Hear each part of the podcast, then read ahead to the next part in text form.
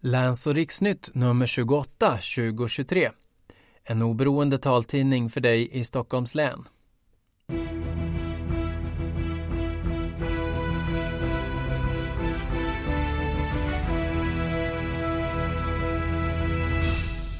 Hej och välkommen till Läns och riksnytt. Det här är nummer 28 som kommer ut den 13 september i vår app och på webben och du som läser oss på CD-skiva får den när posten har skött sitt jobb.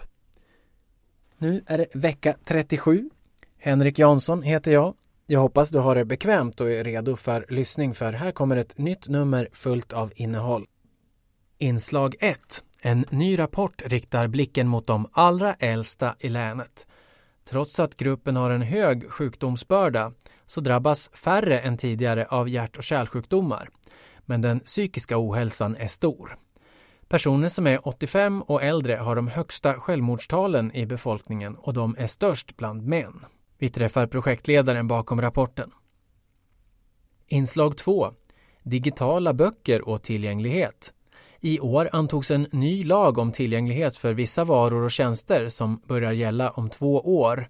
Men för bokbranschen finns inga klara besked om e-böckerna och det är inte bestämt vem som ska se till att lagen följs. Inslag 3. Aktuella ansikten. Vi beskriver utseendet på några personer som hörs och syns mycket i media. Det är den ukrainske presidenten Volodymyr Zelensky, Rysslands president Vladimir Putin och Turkiets president Recep Tayyip Erdogan. Inslag 4. Att hitta bostad i Stockholm är inte det lättaste. Men Synskadades bostadsstiftelse förmedlar bostäder på Södermalm och i Farsta. Deras kö är öppen bara för dig med synnedsättning och vi gör ett besök och hör hur det funkar. Inslag 5, Telegram, bland annat om att läkarintyg inte ska väga tyngre vid sjukskrivning enligt statlig utredning. Gröna bladgrönsaker skyddar mot hjärtinfarkt och det är stora skillnader i regionerna om man har en fast läkarkontakt eller inte. Och så om att den upp och nervända eken har landat på Drottninggatan.